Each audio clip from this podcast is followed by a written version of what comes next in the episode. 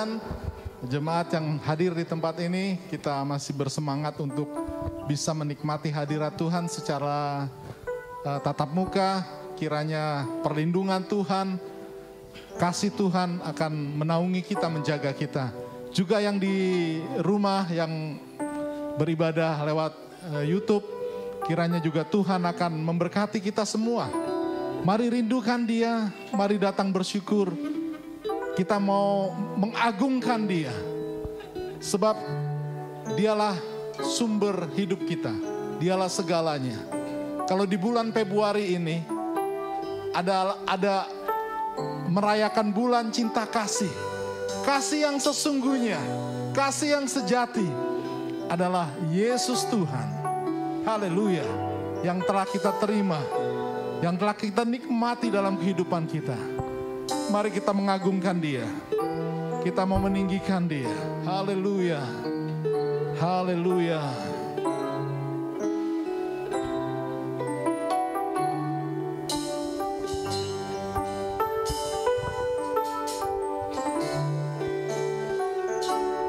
Kau sungguh indah tiada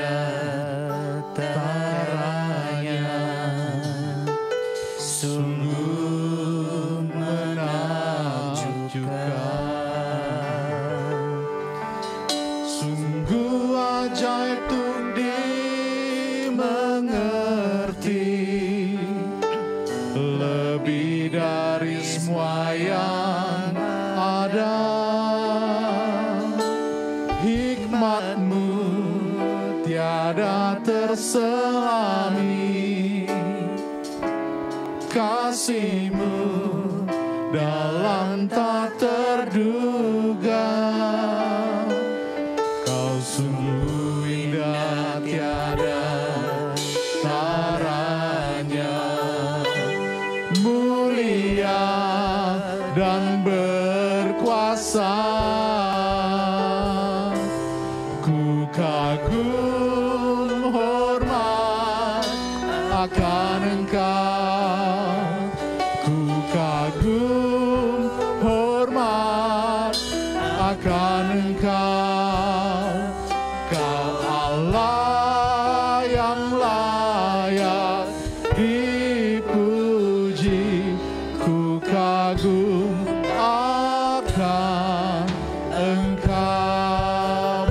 saya undang berdiri kita bawa bawa pujian sembah kita di hadapannya. Amin. Sungguh menakjubkan. Amin, amin. Sungguh ajaib dimengerti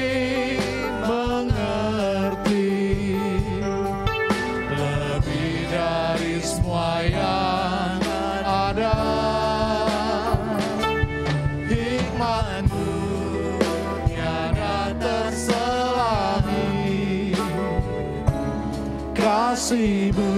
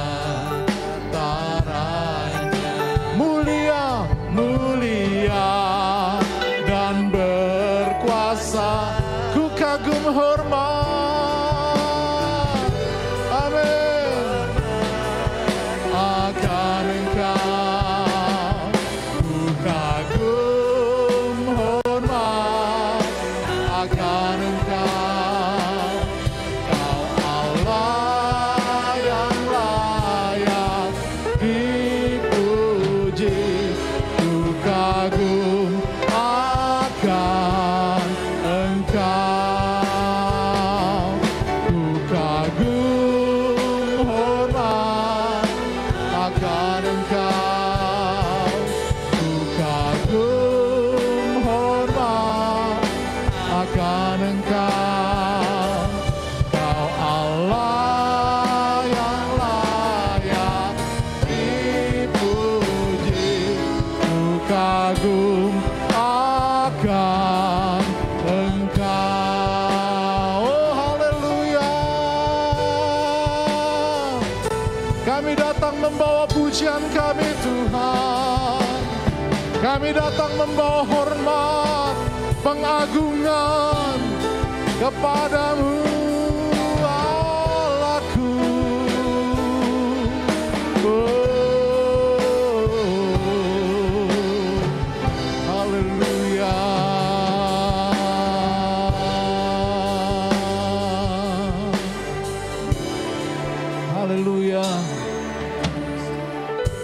Mari umat Tuhan pagi ini, saat ini,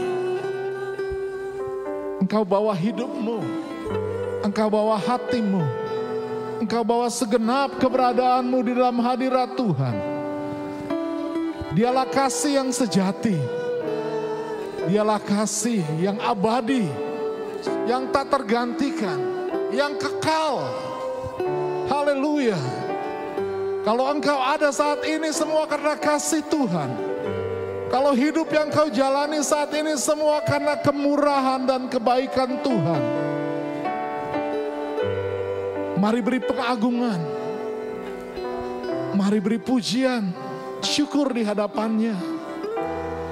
Haleluya. Haleluya. Terima kasih Yesus.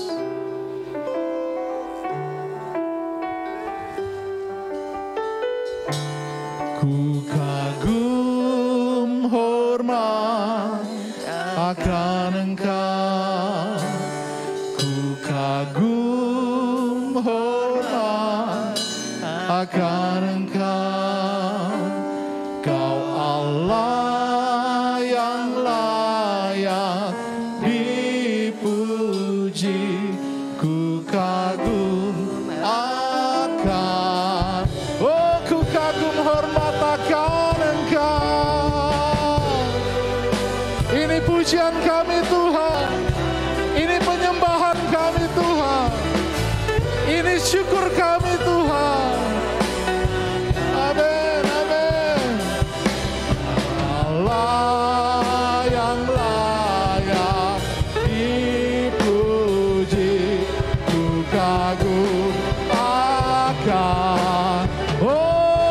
pujian ini dengan kekaguman.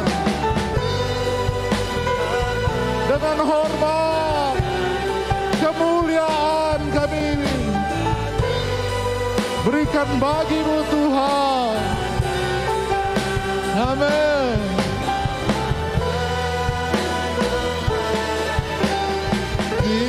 Dipuji ku kagum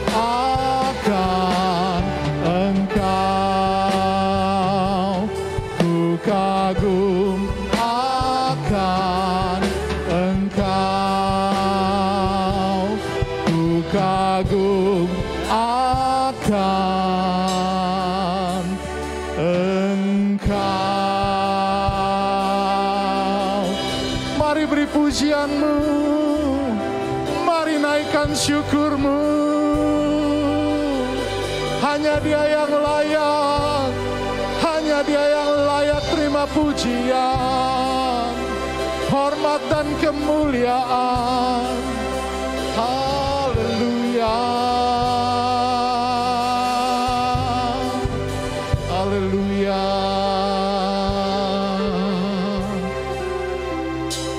Haleluya. Haleluya. Saat kami mengalami Tuhan di hidup ini. Saat kami mengalami kebaikan Tuhan. Saat kami mengalami pemeliharaan Tuhan.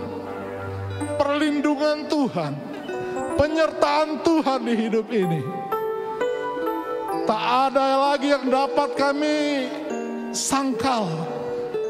Tak ada lagi yang dapat kami ragukan.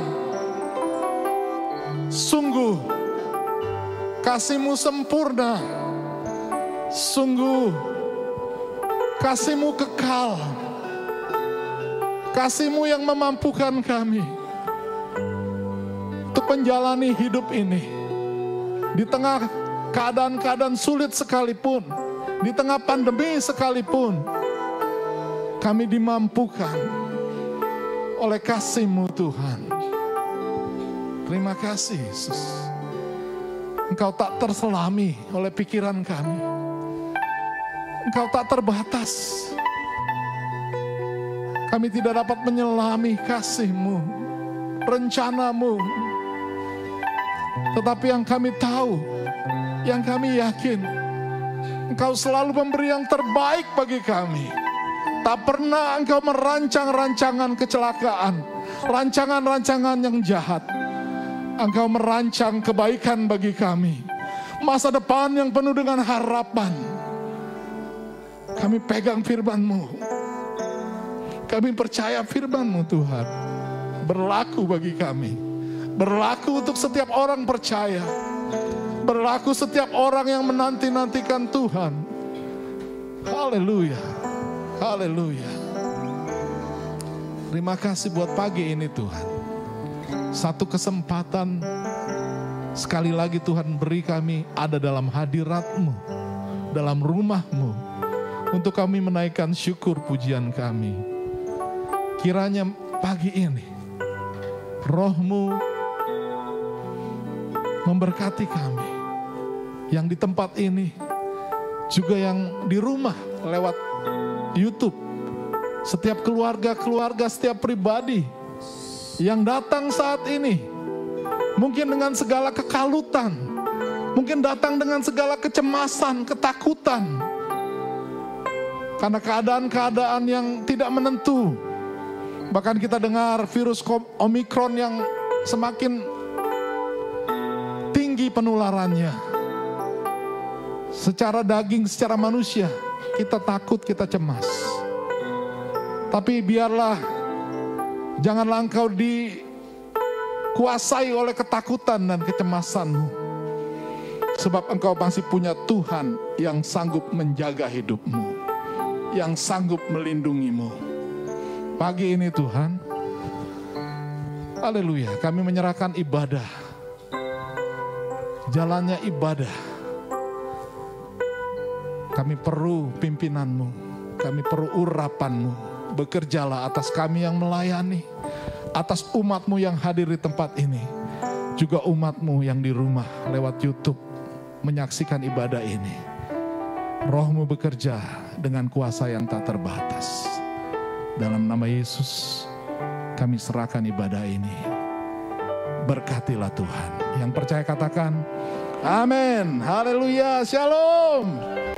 Haleluya. Pagi ini kita mau meninggikan Tuhan. Pagi ini kita mau beri pujian kita yang terbaik bagi Tuhan. Amin. Sebab dia Raja keagungan. Dia segalanya bagi kita. Amin. Haleluya. Haleluya.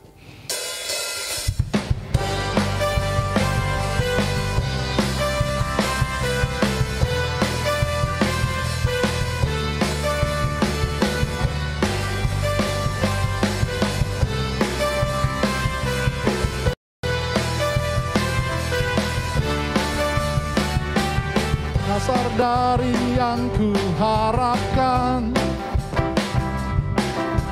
Bukti dari salah yang tak kulihat Iman berikan ku kekuatan. Amin. Untuk melakukan perkara yang besar. Bersama rohmu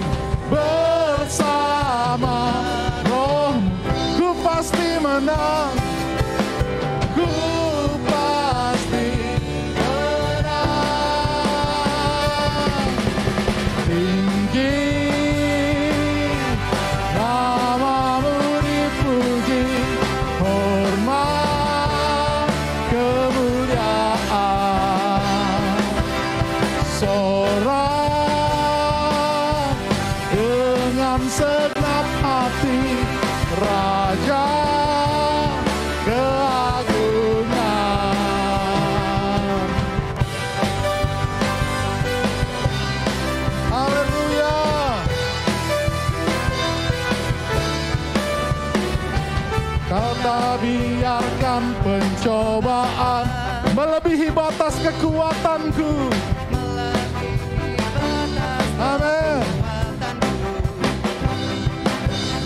Kau yang berikanku kemuliaan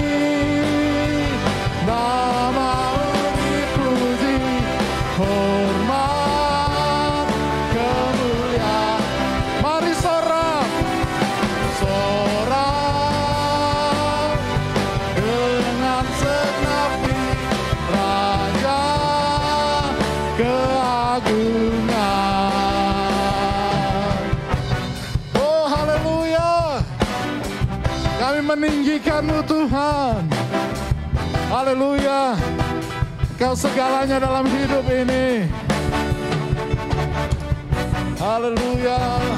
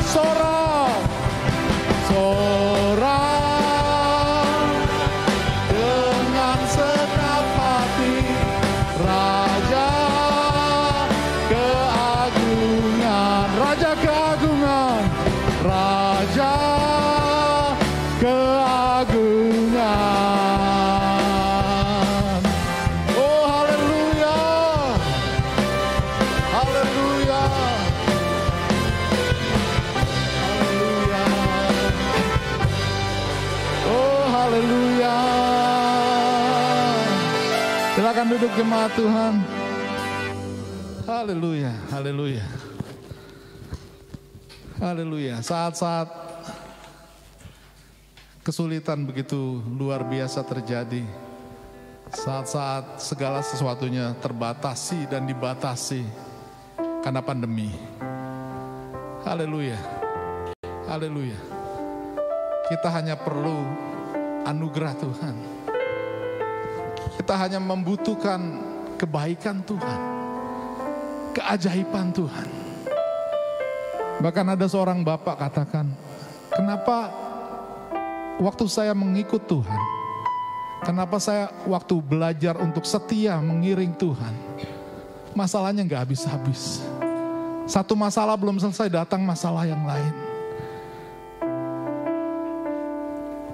Haleluya, haleluya. Dan firman Tuhan katakan bahwa kesusahan orang benar itu banyak. Kemalangan orang benar itu banyak. Tetapi Tuhan meluputkannya.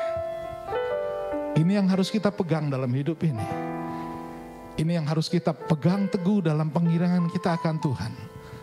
Sekalipun kita mengalami kesukaran, tantangan, kesulitan dalam hidup ini. Haleluya.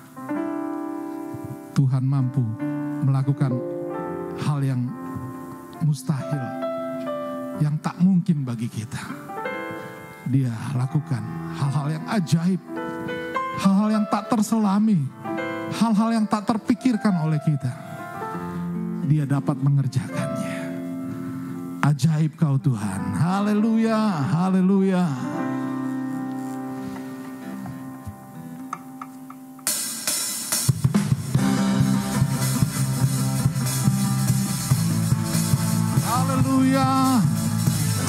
Tak terbayangkan kebesaranmu.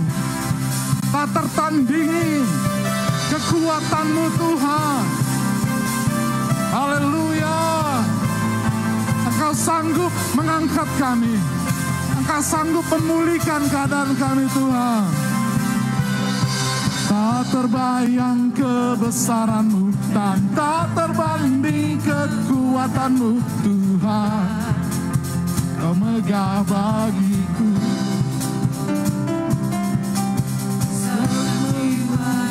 harapan tak ku serahkan untuk rencanamu Tuhan.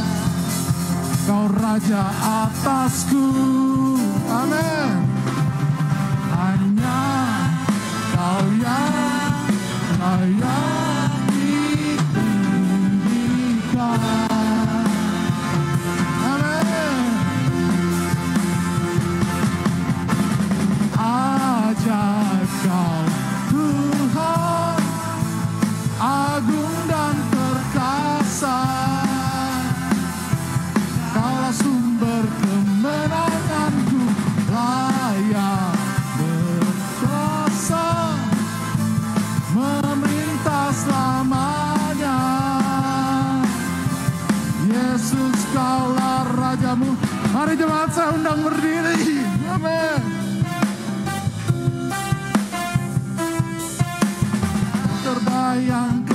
kebesaranmu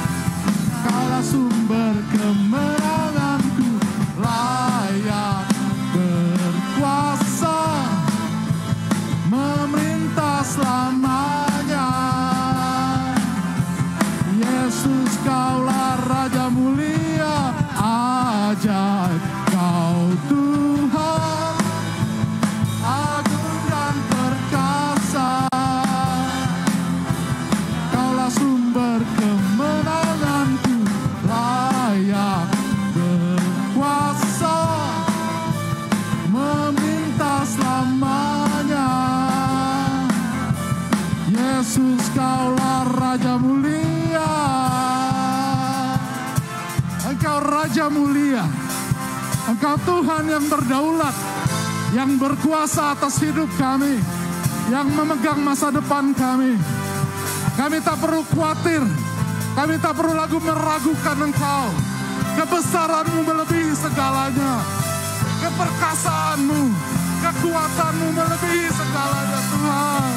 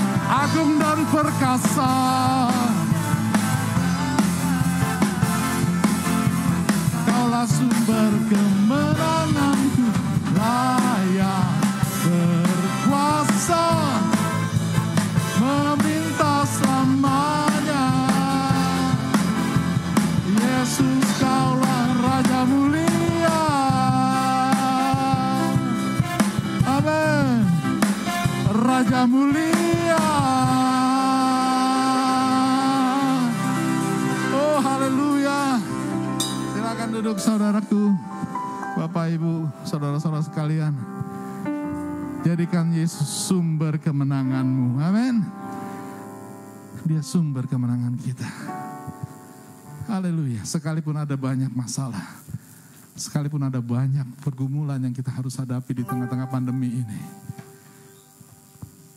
tetap percaya. Yesus, dia sumber kemenangan kita. Dia yang mampu mengangkat kita. Dia mampu membukakan setiap jalan-jalan kita. Dia yang mampu membukakan segala pintu-pintu berkat bagi kita.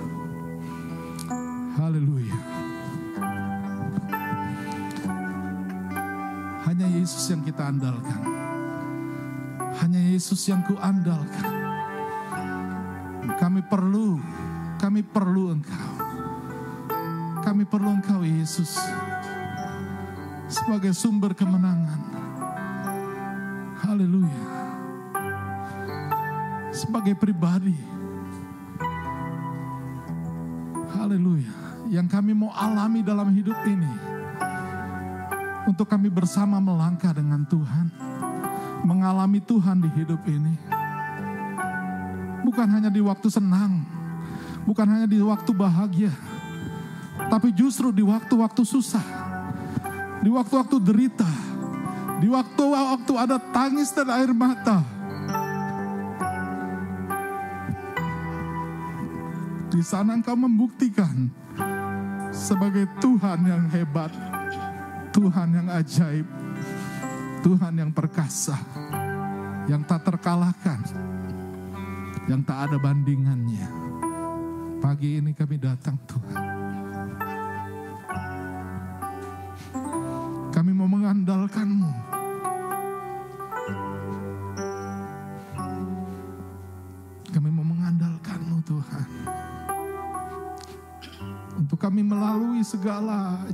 Jalan hidup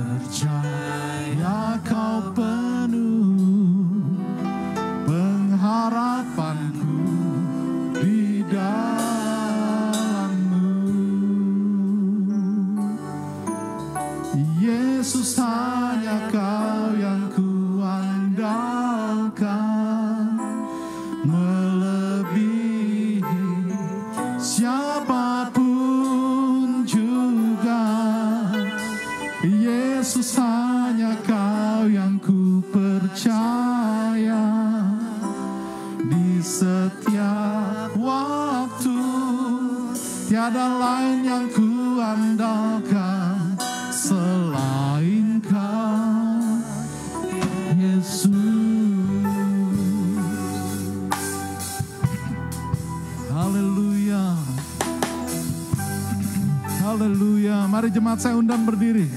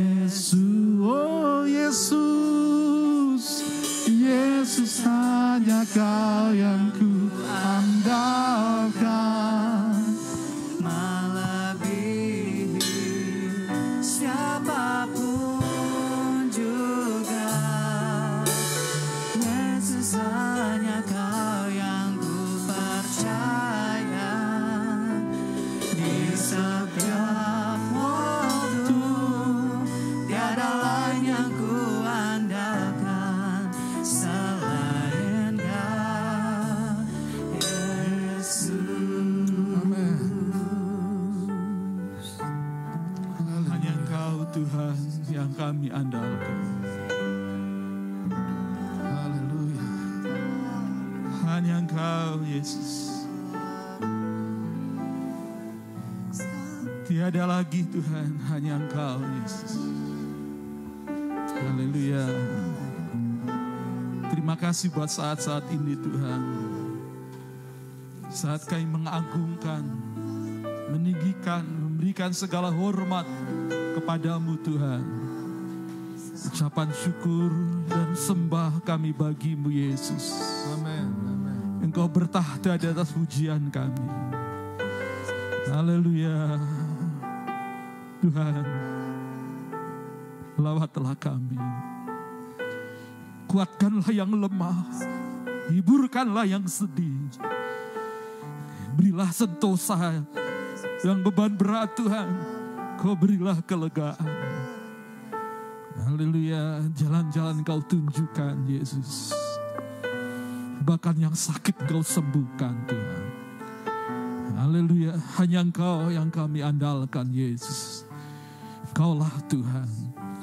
Kaulah penebus kami yang hidup. Terpujilah Tuhan. Terimalah segala pujian hormat kami bagimu Yesus. Dan saat kami sebentar duduk diam, berbicaralah Tuhan lewat firman-Mu. Sehingga setiap kami tak terkecuali, kami diberkati. Roh Kudus, Engkau yang mengambil alih terus bagian ibadah ini. Haleluya. Terima kasih Tuhan. Dalam nama Yesus. Amin, amin. Puji Tuhan, silakan duduk saudara-saudara. Terima kasih buat tim Serafim yang melayani. Puji Tuhan. Haleluya.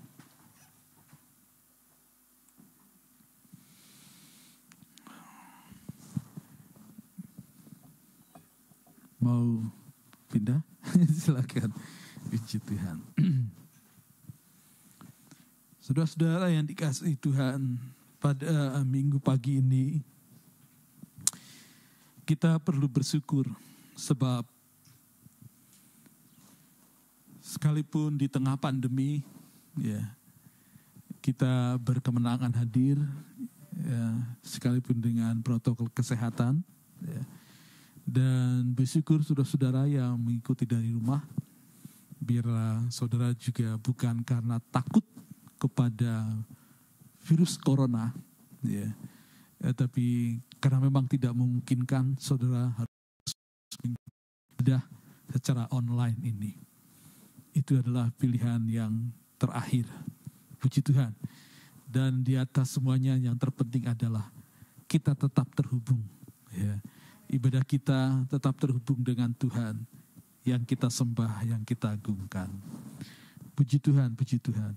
Baik pada pagi hari ini, minggu pagi ini, merupakan suatu tema besar dalam beberapa bulan ke depan, ya, berbicara tentang bertumbuh dan kali ini bertumbuh di dalam kesalehan. Minggu lalu telah menjadi pendahuluan firman Tuhan dan minggu ini akan lebih detail lagi dan minggu-minggu selanjutnya demikian pula.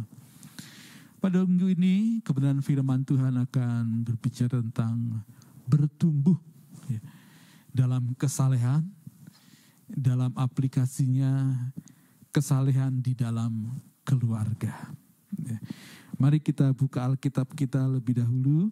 Di dalam Yohanes, Injil Yohanes pasal 15 Yohanes pasal 15 kalau bisa ditampilkan lewat uh, isi worship. Silakan puji Tuhan. Agar kita semua bisa mengikutinya. Yohanes pasal 15 puji Tuhan. Ayat 1 sampai ayat yang berikutnya. Puji Tuhan. Yohanes 15 pokok anggur yang benar. Akulah pokok anggur yang benar dan Bapakulah pengusahanya. Setiap ranting padaku yang tidak berbuah dipotongnya dan setiap ranting yang berbuah dibersihkannya supaya ia lebih banyak berbuah. Kamu memang sudah bersih karena firman yang telah kukatakan kepadamu. Tinggallah di dalam aku, dan aku di dalam kamu. Sama seperti lanting tidak dapat berbuah dari dirinya sendiri kalau ia tidak tinggal pada pokok anggur. Demikian juga kamu tidak berbuah jikalau kamu tidak tinggal di dalam aku. Akulah pokok anggur, dan kamulah ranting-rantingnya. Barang siapa tinggal di dalam aku dan aku di dalam dia, ia berbuah banyak. Sebab di luar aku, kamu tidak dapat berbuat apa-apa. Barang siapa tidak tinggal di dalam aku, ia dibuang keluar sama seperti ranting dan menjadi kering. Kemudian dikumpulkan orang dan dicampakkan ke dalam api lalu dibakar. Jikalau kamu tinggal di dalam aku dan firmanku tinggal di dalam kamu, mintalah apa saja yang kamu kehendaki dan kamu akan menerimanya. Dalam hal inilah Bapakku dipermuliakan, yaitu jika kamu berbuah banyak dan dengan demikian kamu adalah murid-muridku. Amin. Pertumbuhan rohani keluarga Kristen. Pertumbuhan rohani setiap umat Tuhan. Izinkan saya, saya membuka saja eh, agak ngap ini ya. Eh, ini jauh ya saudara-saudara, puji Tuhan. ya pertumbuhan iman, pertumbuhan rohani umat Tuhan. ya, itu adalah kehendak Bapa. ya. Dari ayat-ayat yang kita baca menjelaskan dengan tegas apa yang Yesus firmankan yang sampai kepada kita saat ini bahwa bertumbuh ya, itu adalah kehendak Tuhan. Jikalau tidak bertumbuh, kita lihat melalui ayat itu, maka dia tidak berbuah dan jika tidak bertumbuh, dia akan dipotong menjadi kering, dibuang ke dalam api, dibakar. Itu semuanya adalah ilustrasi, gambaran, ya, perumpamaan tentang pentingnya kita bertumbuh di dalam kesalehan. Bagaimana keluarga itu tujuan hidupnya adalah untuk memuliakan Allah. Institusi yang dibentuk oleh Tuhan, yang kudus itu adalah keluarga. Keluarga adalah fokus dari semua karya ciptaan Allah di dunia ini. Sebelum Adan dan Hawa menjadi satu keluarga, diciptakan segala sesuatunya lebih dahulu. Lalu keluarga itu kemudian diciptakan. Ya. Institusi keluarga itu, eh, konsep ini di luar agama agama anak Allah. Dan ia Allah Tuhan kita dipanggil sebagai Bapa kita. Ya. Puji Tuhan. Jadi adalah kehendak Allah agar kita bertumbuh dalam keluarga. Hidup kita tidak dapat dipisahkan dari keluarga. Kita dilahirkan dalam keluarga, kita bertumbuh di, terus dalam secara fisik dalam keluarga sampai kita dewasa pun kita berkeluarga dan kita meninggal pun ya selalu terhubung dengan keluarga. Kita tidak bisa dipisahkan dari keluarga. Ya. Puji Tuhan. Kalaupun ada itu eh, Tarsan, itu hanya dongeng saja. Kalaupun itu ada, ia juga hidup di dalam keluarga gorila, keluarga binatang di hutan. Jadi tidak bisa lepas apa yang disebut namanya keluarga. Kesalehan dalam keluarga adalah bukti keluarga yang bertumbuh secara rohani. Ya. Jadi pertumbuhan rohani keluarga ya, itu adalah bukti kesalehan dalam keluarga menjadi realita, ya, menjadi kenyataan. Ya. Kalau tidak ada pertumbuhan dalam keluarga, yang sama sama pertumbuhan rohani, maka kesalehan hidup saleh itu bukan lagi atau tidak menjadi atau belum menjadi realita di dalam keluarga tersebut. Hidup yang beribadah, keluarga yang beribadah kepada Tuhan. Ya. Keluarga yang fokus tujuannya hanya untuk Tuhan. Hidup keluarga ini untuk Tuhan, untuk kemuliaan Tuhan. Ya, itu adalah merupakan bukti keluarga yang bertumbuh secara rohani. Karena keluarga itu dari ayah, ibu, dan anak, maka pertumbuhan rohani keluarga itu saling mempengaruhi satu yang dengan yang lain. Orang tuanya atau salah satunya mengalami masalah dalam pertumbuhan rohani, itu mempengaruhi yang lainnya. Ya, apalagi orang tua yang rohaninya itu tidak bertumbuh. Ya, rohaninya itu mungkin kacau balau. Ya, itu akan berdampak kepada keluarga, kepada anak-anak. Jadi firman Tuhan hari ini harus diperhatikan oleh semua anggota keluarga tak terkecuali. Saya ingat dalam uh, Zuminar kemarin bahwa ada uh, generasi Z sekarang ya, yang protes ya, bahwa dalam ibadah ya, temanya tentang keluarga nggak ada hubungan dengan saya. Ya, Saya anak-anak ya bagaimana mungkin nggak ngerti nggak nyambung sama kita. Ya. Ya, tapi itu ada benarnya satu sisi. Ya tapi hari ini saya ingin menyatakan bahwa keluarga pun harus diajarkan oleh anak-anak supaya anak-anak mengerti. Ya.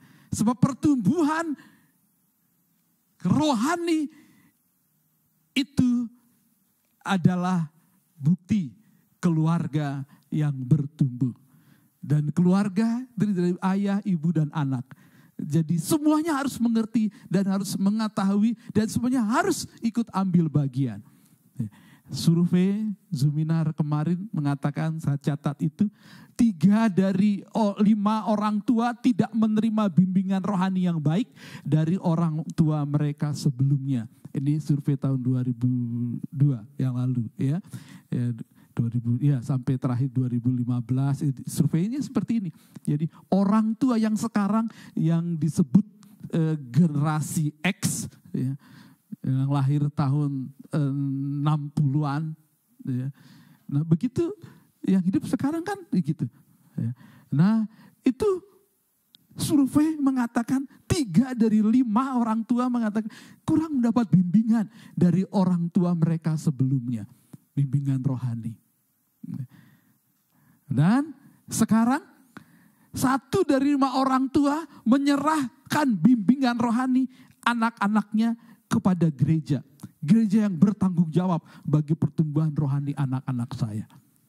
Satu dari lima orang tua. Ya.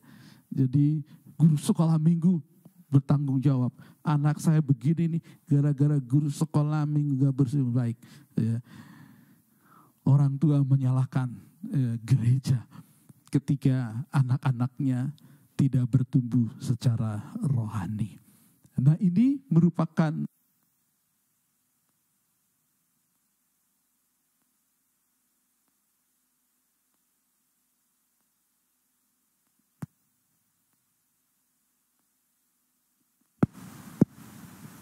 tes, tes, tes, tes, tes, ya. Baik, Eh, itu gangguan teknis sedikit, maaf. Eh, survei ini merupakan tantangan bagi kita dan gereja harus memberi jawab tentang hal ini. Bukan satu kebetulan jikalau eh, rancangan khotbah yang saya sudah rancang dari sepanjang dari bulan yang lalu dan sampai pada minggu ini bicara tentang kesalehan dalam keluarga ya, didukung oleh Zuminar kemarin tentang generasi next gen. Ya.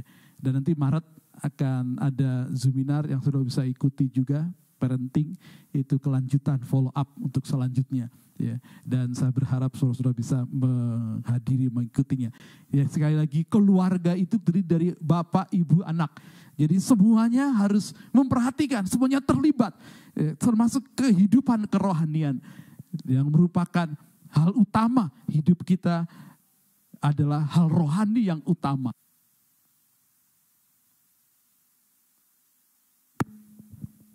Mungkin ini baterainya kali ya, hidup nyala, hidup nyala. Hidup nyala, hidup nyala sama ya.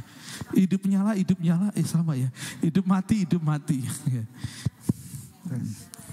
Iya, hidup nyala, hidup nyala. Ya.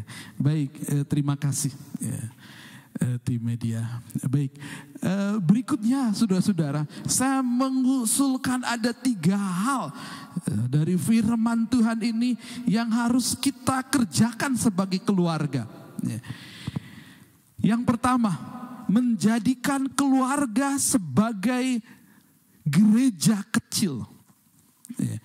Menjadikan keluarga sebagai gereja kecil.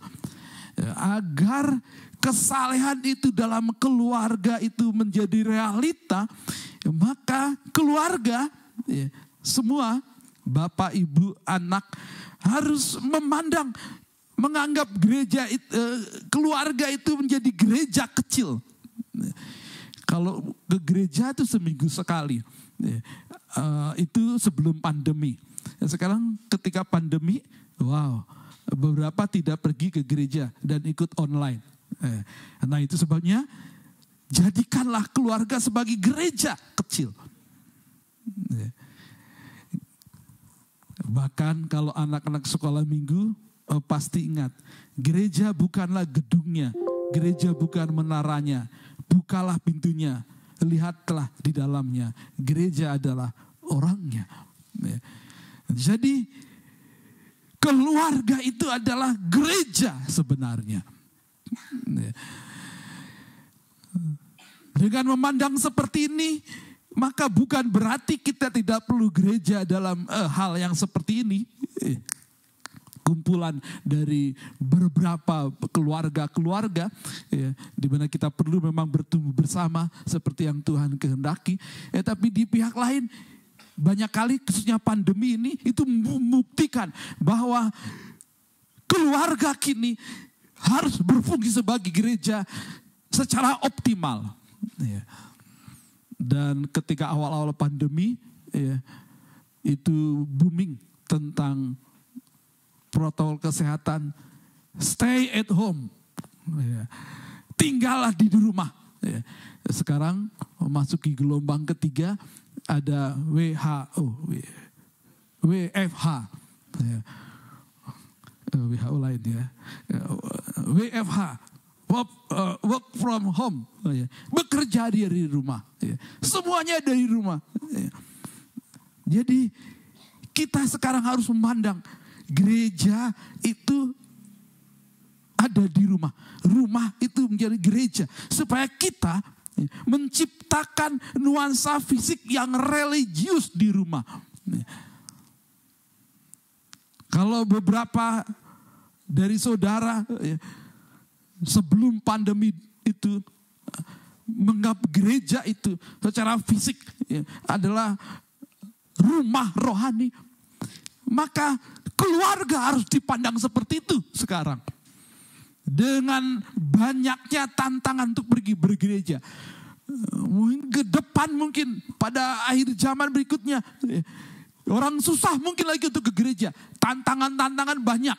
Di tempat-tempat beberapa daerah itu susah bangun gereja. Dan mungkin untuk bertemu saja sebagai orang-orang percaya sangat susah. Nah keluarga-keluarga harus jadikan rumahnya sebagai gerejanya. Gembalanya tentunya kepala keluarga. Wakil gembalanya ya, istri. Dan anak-anaknya itu jemaat. Seperti itu ya. Harus barang seperti itu. Sekarang ubah mindset kita dan saudara yang mengikuti ibadah ini dari rumah secara online. Biarlah saudara mengikutinya seperti saudara ada di dalam gereja sebelum pandemi. Jadi mengikuti ibadahnya, ya pakai baju yang rapi dong, udah mandi dong, Enggak lagi tidur tiduran dong, enggak di kamar dong. Ya. Tapi bersama anak-anak, yuk kita beribadah.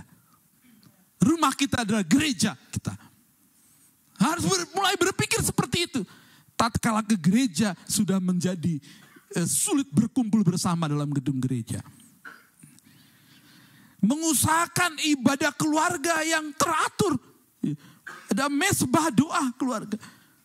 Kalaupun terpaksa memang tidak bisa datang ke gedung gereja seperti yang di sini, ya, Kalaupun itu pilihan terakhir tidak bisa datang. Ya. Walaupun harus ikuti secara online. Kerjakan itu sebaik-baiknya. Buat mesbah doa keluarga setiap hari. Yang ketiga, ada keteladanan yang positif dari orang tua. Orang tua juga harus menunjukkan keteladanannya. Suruh anak berdoa, dia nggak berdoa. Suruh anak bangun pagi-pagi, dia eh, bangun telat. Malam-malam dan seterusnya. Harus orang tua menjadi teladan bagi anak-anaknya dalam hal rohani. Jadikan rumah atau keluarga itu gereja kecil. Berikutnya yang kedua, bagi orang tua perlu menumbuhkan komitmen bertumbuh di dalam Yesus melalui berapa hal ini. Ya. Perlu melakukan slide berikutnya. Ya. Kepala keluarga buat komitmen. Ya. Orang tua buat komitmen untuk memiliki komitmen yang kuat. Melepaskan cara-cara yang lama yang bertindak secara lahiriah saja. Saudara, bagaimana orang tua membesarkan kita, mempengaruhi kita, bagaimana membesarkan anak-anak kita selanjutnya. Kalau kemudian orang tua menyadari, tadi kan tiga dari lima orang tua ya, mengatakan tidak mengalami bimbingan rohani yang baik dari orang tua sebelumnya. Ya, berarti waktu dia membesarkan anak-anak juga kan, kan mempengaruhi hal itu. Tapi kalau orang tua sadar, ya, kesalahan orang tua mereka yang dahulu jangan diulangi lagi. Ketika prinsip-prinsipnya sudah tidak eh, relevan lagi, jangan diturunkan ke anak berikutnya. Ya. Apalagi perkara-perkara yang uh, salah, ya. Bahkan bertentangan dengan firman Tuhan. Jangan dilakukan lagi membesarkan anak-anak kita. Ubah cara-cara lama.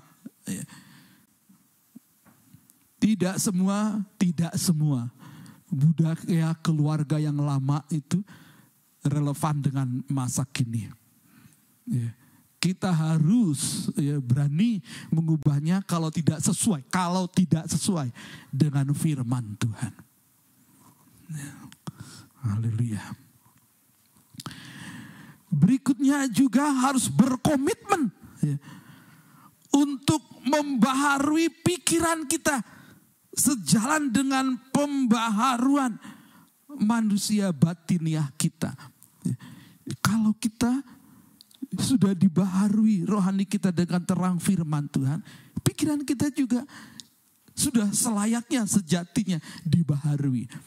Itu sebabnya kalau firman Tuhan mengatakan untuk berkata-kata yang baik, ya selanjutnya berpikirlah tentang keluarga yang baik.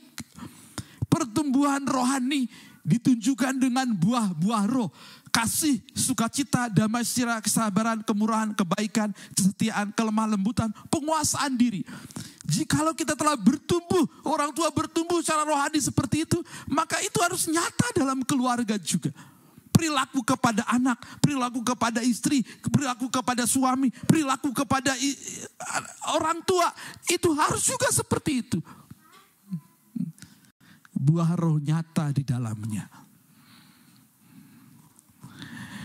Berikutnya berkomitmen membangun kebiasaan-kebiasaan baru dalam kebenaran. Hidup kudus. Barang siapa ku kasih, ia ku hajar dan kutegur. Anak-anak juga harus ya, menerima teguran, siap menerima teguran dididikan dari orang tua kalau tidak sesuai dengan firman Tuhan. Orang tua di pihak lain juga harus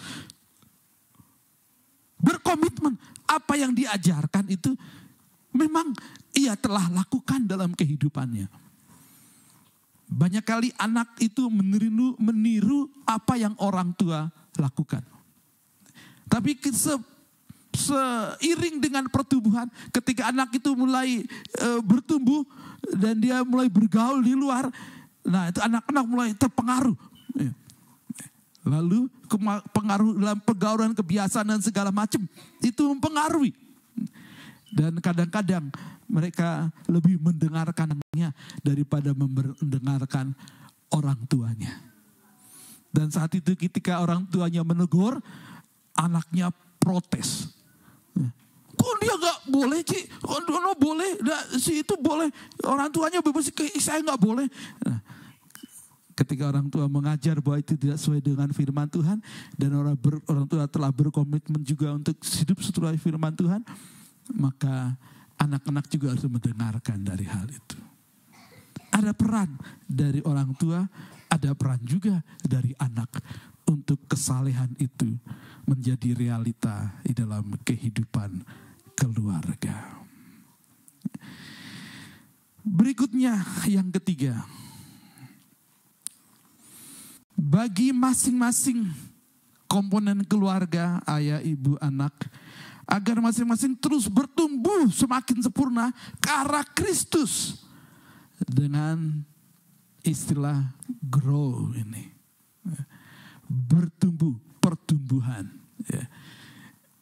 Mungkin berapa minggu ke depan akan dipasang tema utama kita. Ya. Grow and be impact together. Ya. Bertumbuh dan berdampak bersama-sama. Ya. Nah, semua harus fokus ke ini, ke sini nih, ke pertumbuhan ini. Bapak, ibu, anak, semuanya peran serta semua. Dari awal tadi saya mengatakan bahwa ini ada tanggung jawab keluarga. Yaitu bapak, ibu, anak sama-sama membangun. Memang orang tua sebagai eh, kepala keluarga, suami, memang sebagai eh, komandan dia bertanggung jawab penuh itu. Tapi bukan berarti istri, anak-anak lepas dari tanggung jawab. Tetapi juga bertanggung jawab bersama-sama. Dan saya pakai istilah growth ini. Apa itu? G. G. Itu berarti grow Go to God. Daily prayer. Berdoa menghadap Allah. Berdoa setiap hari. Itu arti G. G. Go to God. Daily prayer. Semua Bapak, ibu, anak harus jadikan doa itu gaya hidupnya. Yohanes 15:7 mengatakan, kalau kamu tinggal dalam aku, aku di dalam kamu, mintalah apa yang kamu kehendaki, kamu akan menerimanya. Di luar aku kamu tidak berbuat apa-apa, tidak bisa berdoa. Demikian juga keluarga, bapak, ibu, anak harus go to God daily prayer menghadap Allah setiap hari dalam doa. Buat ini untuk bertumbuh, keluarga bertumbuh dalam kesehatan. Bangun kehidupan doa. Keluarga yang tidak berdoa bermasalah pasti di dalam pertumbuhan rohaninya. Dan pada gilanya akan bermasalah dalam kehidupan nyata hari-harinya. Haleluya. Saya senang kemarin dalam Zoominar guru sekolah minggu ya eh, buat video. Dan saya senang sekali ya video anak-anak sekolah minggu ya ditanya kamu mengasihi Tuhan? Ya uh, uh, Tuhan merasa mengasihi kamu enggak mereka videonya bagus. Kalau bisa itu ada mungkin ditayangkan ya. Itu itu bagus banget ya. Dan itu jadi berkat bagi seluruh Indonesia yang ikuti Zoominar itu Ya. Jadi itu bagus sekali. Dan itu bukti ya, ketika ada kamu berdoa setiap hari berdoa satu-satu jawab doa doa saya, saya, saya percaya itu tidak direkayasa oleh guru guru sekolah minggu jawab yang benar ya enggak ya, mereka jawab apa adanya ya ketika ditanya dan direkam oh, saya senang sekali itu jadi berkat bagi oh, banyak orang ya. harus ada itu ya. Haleluya R. R. Read God's word daily. Baca firman Tuhan setiap hari. Ya. Membaca firman Tuhan setiap hari. Ya. Firman Tuhan itu kebenaran. Dan kita harus senantiasa ingat hidup di dalam kebenaran. Ada ditanya di situ juga dalam video itu, kau baca Alkitab punya? Kalau baca Alkitab masih apa? Ya ada siapa itu? Eh, menjawab ya saya baca Alkitab. Ditemenin siapa? Ditemenin cici gempita temenin mama. Ha. Itu terus terang jawabnya. Dan itu buat lucu. Dan itu itu hari-hari. Dan kalau itu terus menjadi budaya eh, pertumbuhan sedang berlangsung. Kesalehan dalam keluarga semakin menjadi realita oh oh my God moment by a moment ya hidup dalam ketaatan kepada Allah setiap waktu Haleluya. Itu tadi Yohanes 15 ayat 8 ya, mengatakan dengan tegas seperti itu. Kehidupan kalau kamu tinggal dalam aku, kamu akan menuruti segala perintahku. Itu jelas. Keluarga yang berdoa setiap hari, keluarga yang membaca firman Tuhan setiap hari, keluarga yang mentaati firman setiap saat sedang bertumbuh. W. Witness for Christ by our life and word. Memberi kesaksian tentang Kristus lewat kehidupan serta ucapan kita. Yohanes 15 juga katakan seperti itu. Kita menjadi berkat kesaksian lewat gaya hidup kita. Dalam perbuatan yang benar, dalam perkataan kita juga. Orang tua yang suka bersaksi, berkata benar, anak-anak berkata benar. Dan sebaliknya juga seperti itu. Orang tua yang suka bawa jiwa baru, berbeban bagi orang-orang yang belum percaya. Anak-anak kan seperti itu juga. Orang tua yang suka uh, memberi tumpangan, suka memberi kemurahan, suka berbaik, memberikan uh, pertolongan kepada orang lain. Anak-anak akan berlaku seperti itu juga. Orang tua yang sebaliknya mungkin pelit. Ya. Buat anaknya juga pelit mungkin. Maka anaknya akan begitu juga. Nah seterusnya. Jadi biarlah kehidupan kita kesaksian. Sudah doa, sudah baca, sudah taat, dan kemudian gaya hidup kita itu mempengaruhi seitu keluarga dan orang lain. T. Trust God every the tile of our life. Wow. Mempercayakan setiap detil kehidupan kita kepada Allah. Semuanya dari perkara-perkara kecil hingga perkara besar.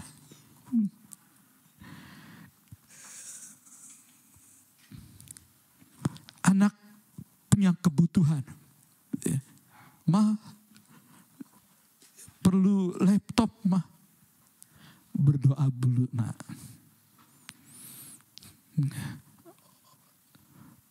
Uang mama, uang papa dari Tuhan. Kamu minta sama Tuhan.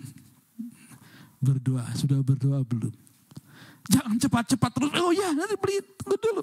Ajar mereka mempercayakan Tuhan.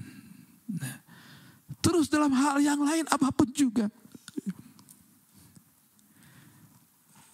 Semalam uh, tetangga sebelah saya nggak bisa tidur. Ya sudah beberapa hari. Dan ini besok mau pelayanan khotbah. Ya, dia nggak bisa tidur. Dan saya harus bertanggung jawab bagaimana bisa tidur.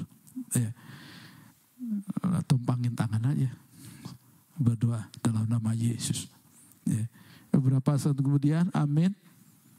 Eh dia tidur, bangun pagi-pagi, ya jam 4 ya lewat dia sudah segar. Nah, yang harus seperti itu. Dalam perkara-perkara kecil sampai perkara-perkara besar. Harus belajar mengandalkan Tuhan. Lagu tadi saya suka. Yesus hanya kau yang ku andalkan. Ajar anak-anak. Mengandalkan Tuhan. Ke orang tua mampu, orang tua bisa. Jangan cepat segera untuk penuhi kebutuhan anak sebelum anak itu melakukan bagiannya. Haleluya. It's Holy Spirit Allow him to control and empower our daily life and witness. Membiarkan roh kudus mengendalikan serta memberdayakan kehidupan serta kesaksian kita sehari-hari. Kisah Rasul ayat 8, kamu akan menerima kuasa. Kalau roh kudus turun ke atas kamu dan kamu akan menjadi saksiku. Di Yerusalem, di seluruh Judea dan Samaria dan sampai ke ujung bumi. Oh saudara, eh, dulu kita di sini jauh ketika eh, Friska, angkatan Friska ya, eh, teman-temannya sampai kepada Gempita, kita ada sebut PDAC, Pasukan Doa Anak Ceria. Wah itu itu booming banget, itu mempengaruhi gereja-gereja. Nah, kita menjadi api ke, eh, kebangunan rohani eh, doa anak Berapa gereja datang kemah dan ikuti itu dan ambil apinya dari sini. Dan saya merindukan kembali hal itu.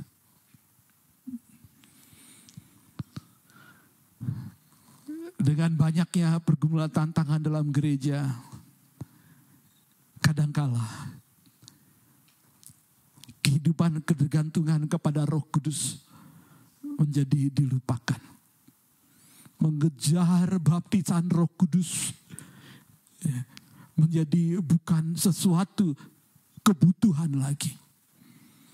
Semakin modernnya zaman ini, teknologi yang maju, ya, semakin mempengaruhi ya, manusia generasi muda untuk lebih mengandalkan akalnya. Lalu melupakan pimpinan pertolongan roh kudus. Ada banyak hal kehidupan di dunia ini yang tidak dijawab, tidak bisa dijawab oleh akal, oleh teknologi. Dan itu adalah bagian roh kudus. Dan saya merindukan juga anak-anak dibaptis roh kudus keluarga, bapak, ibu, anak mengalami baptisan Roh Kudus. Hidup dipimpin oleh Roh Kudus. Mengetahui dan mengalami perjumpaan pribadi. Dia ada kuasa Allah oleh Roh Kudus itu. Memenuhi keluarga. Kesalehan dalam keluarga itu bukti pertumbuhan rohani itu akan nyata bahwa urapan Roh Kudus memenuhi semua keluarga. Roh Kudus memenuhi bapak, ibu, anak-anak, keluarga itu akan indah. Keluarga yang saleh betul Bukan berarti tidak ada masalah. Justru masalah itu akan menjadi pintu membuka mujizat-mujizat terjadi dalam keluarga. Keluarga dipulihkan. Keluarga akan menjadi berkat bagi banyak keluarga yang lain. Haleluya. Haleluya. Haleluya. Haleluya. Kita berdoa.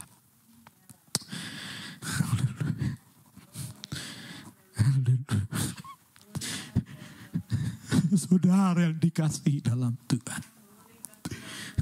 Sudahkah keluarga saudara bertumbuh secara rohani?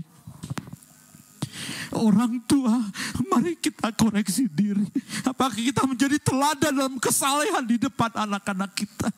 Anak-anak, mari koreksi diri. Jangan menuntut banyak dan menyalahkan orang tua. Tapi cobalah jika engkau sudah mengerti firman Tuhan.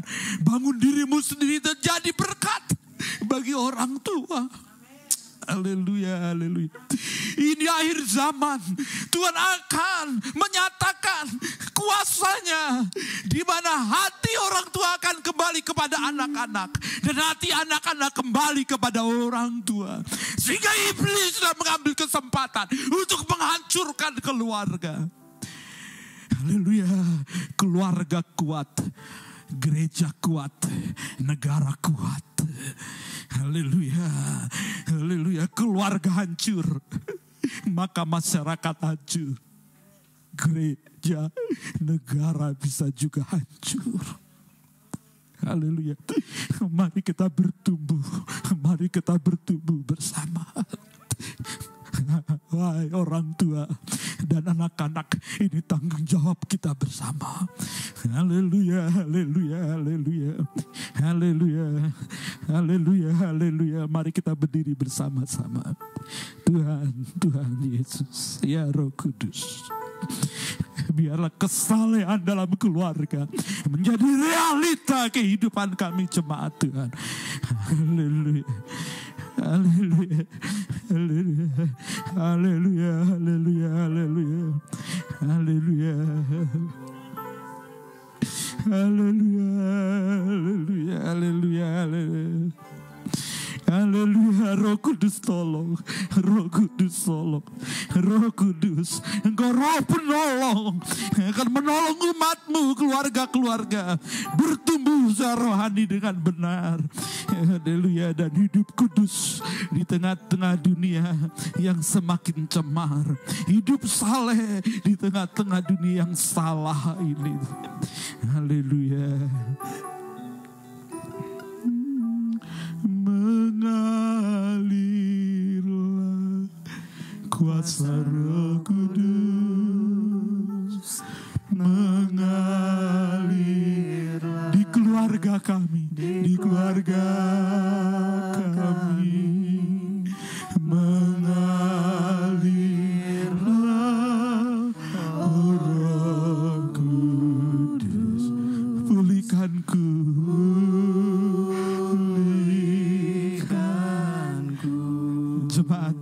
kita ulangi dengan lebih baik. Yang berkuasa memberi pertumbuhan itu Tuhan. Jika lu kita merindukan Keluarga kita bertumbuh Mari andalkan ia yang berkuasa memberi pertumbuhan. Andalkan roh kudus. Kalau orang tua pernah gagal, minta ampun pada Tuhan dan merasa tidak sanggup, andalkan Roh Kudus yang memulihkan, yang menumbuhkan keluarga. Haleluya. Haleluya. Mungkin ada banyak pergumulan, ada masalah dalam keluargamu. Hubungan antar pribadi yang berimbas kemudian kepada penghidupan sehari-hari. Tuhan hadir dalam keluargamu. Ia mengasihimu dan rohnya akan hadir dan memberikan kemenangan. Haleluya. Mengalirlah kuasa roh kudus mengalir di keluarga kami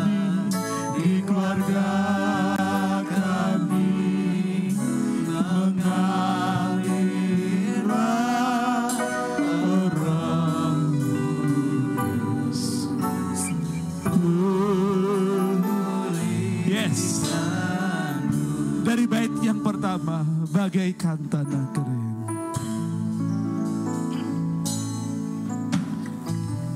Bagaikan tanah kering. Mari orang tua mari anak-anak. Kita merindukan kuasa Tuhan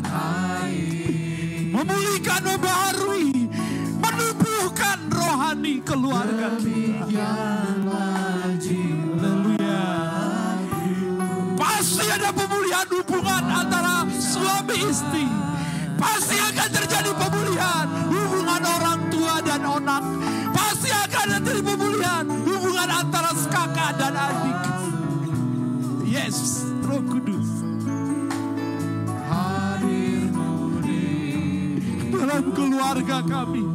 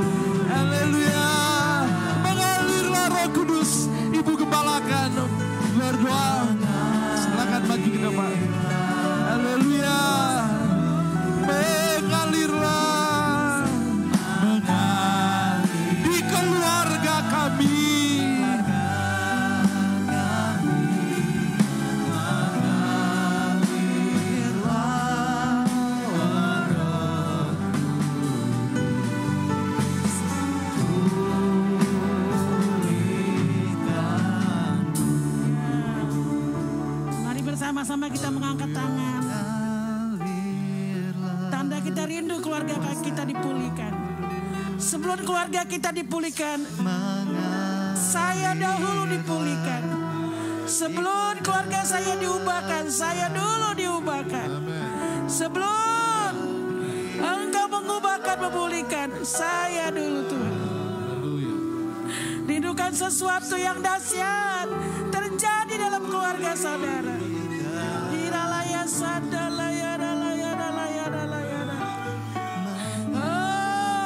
Engkau yang tahu setiap keluarga demi keluarga Tuhan. Engkau yang mengerti Tuhan. Engkau yang tahu Tuhan. Tidak ada satu yang dapat kami sembunyikan di hadapanmu Tuhan. Kami hanya datang bawa keluarga kami Tuhan. Suami, istri dan anak-anak. Kami serahkan dalam tanganmu Tuhan. Dan kami hanya mau mengandalkan Engkau.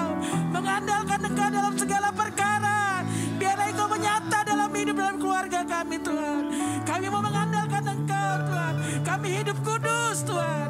Dan kami hidup dalam kesalehan. Di dalam nama Yesus. Ini kami Tuhan. Terjadi sesuatu yang dahsyat. Kami rindu Tuhan. Agar keluarga kami menjadi saksi untuk banyak orang Tuhan. Dan perkara-perkara ajaib yang kau nyatakan. Di dalam nama Yesus. Yesus. Terjadilah sesuatu yang dahsyat. Dalam keluarga kami Tuhan. Suami dan anak-anak terjadilah. Oh di dalam nama Yesus. Kehadiranmu Tuhan. Kehadiranmu Tuhan. Kehadiranmu nyata dalam hidup kami. Dalam hidup keluarga kami. Setiap hari Tuhan. Engkau ada bersama dengan kami. Ada bersama dengan kami. Terima kasih Tuhan. Terima kasih. Oh ya rala ya sandala ya ya rala. Kami buka hati untuk Engkau Tuhan. Kami mau Tuhan. Engkau melawat keluarga kami Tuhan. Sehingga menjadi kesaksian yang dahsyat Tuhan. Oh irala ya sandala ya rala ya rala. Irala ya sandala ya rala ya. Di dalam nama Yesus Tuhan. Yesus. Terjadi sesuatu yang dahsyat. Terpujilah namamu. Haleluya.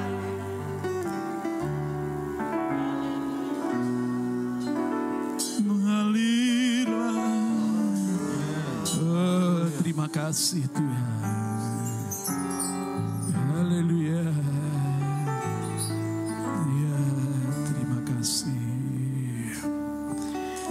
Jemaat yang dikasihi Tuhan. Sebentar kita memang akan mengakhiri ibadah ini. Tetapi rindukan roh kudus terus memenuhi saudara sekali lagi yang berkuasa memberi pertumbuhan hanya Tuhan. Haleluya. Haleluya. Izinkan roh kudus dengan segala kuasanya. Mengadakan pembaharuan, pemulihan, dan pertumbuhan di dalam keluargamu. Terima kasih, terima kasih Tuhan buat pagi hari ini. Haleluya, haleluya.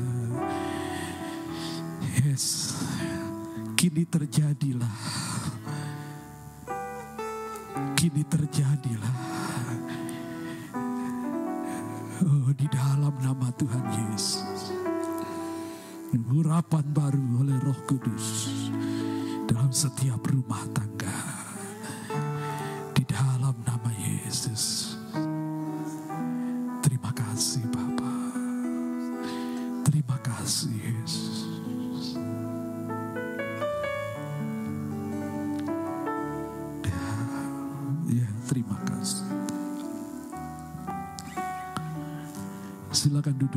Ibu Saudara. Puji Tuhan.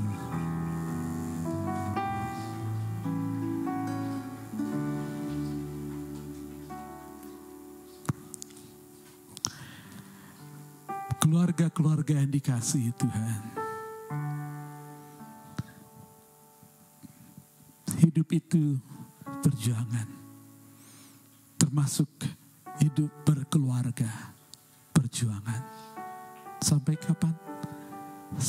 Tuhan Yesus datang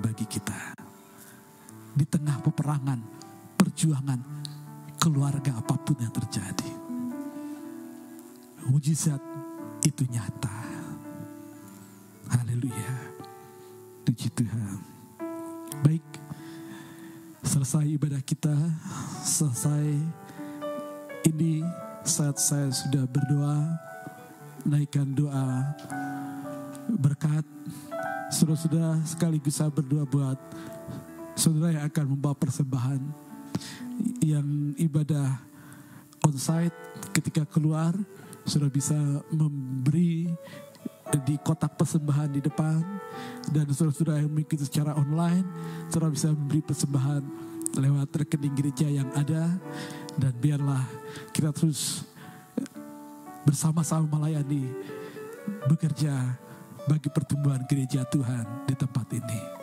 Haleluya. Tuhan berkati saudara-saudara. Mari kita berdiri bersama-sama. Kita akan akhiri dalam doa. Tuhan Yesus, terima kasih buat berkatmu.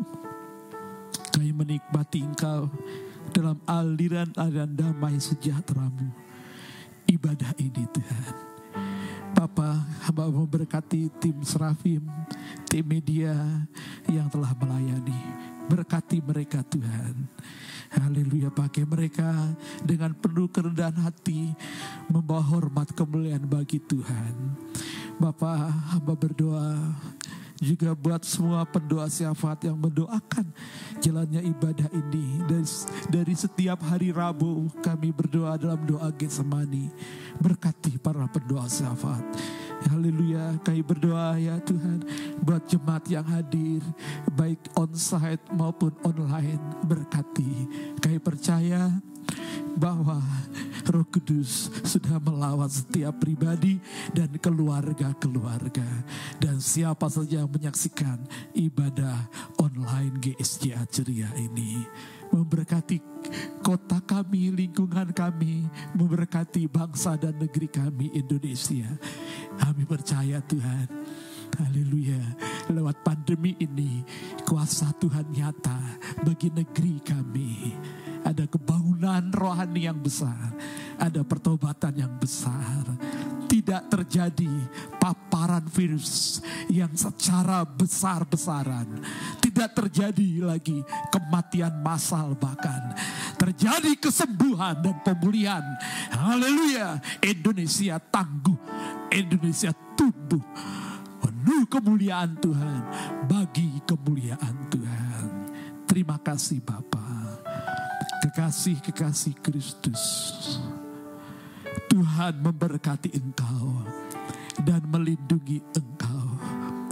Tuhan menyinari engkau dengan wajahnya dan memberikan kepadamu kasih karunia.